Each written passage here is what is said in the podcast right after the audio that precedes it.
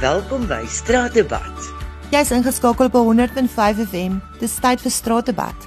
Ek is Denise. Die week gesels ons oor die langste maand van die jaar en dis natuurlik Januarie maand. Belinda, hoe verskil jou Januarie 2022 van Januarie 2023? Ek dink load shedding. Load shedding het 'n groot impak op ons almal se lewens en dit raak net al hoe erger. Almal moet planne maak. Jy moet 'n plan A en 'n plan B hê vir alles. Wanneer was jy was goed? Wanneer stort jy? Wanneer maak jy kos? Alles. Ja, ek dink dit is 'n groot verskil vir ons hierdie jaar. Wanneer het julle oopgemaak, Anton, en is julle alreeds besig? Ons het al die 3 Januarie oopgemaak met 'n spoed begin.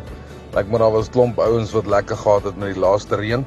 Nadia, hoe verloop jou Januarie maand? Die bank is leeg, die kalender is vol. Januarie is beslis my langste en kortste maand van die jaar. Wat is die slegste ding van Januarie maand vir jou, Andrei? Ek moet sê ons is nog al die jare het ek 'n baie positiewe uitkyk op Januarie gehad want dis die begin van die nuwe jaar. Dis 'n vernuwingsding.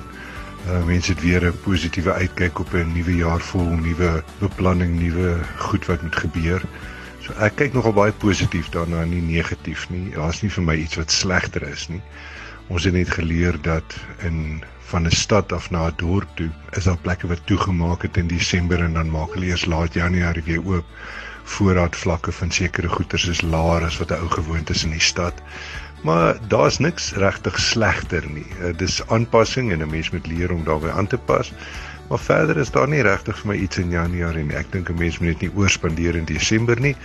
En dan is die dan is Januarie nie so sleg as wat almal dit maak nie. Van Radio Laveld se kant af hoop ons jou 2023 gaan net goed wees vir jou.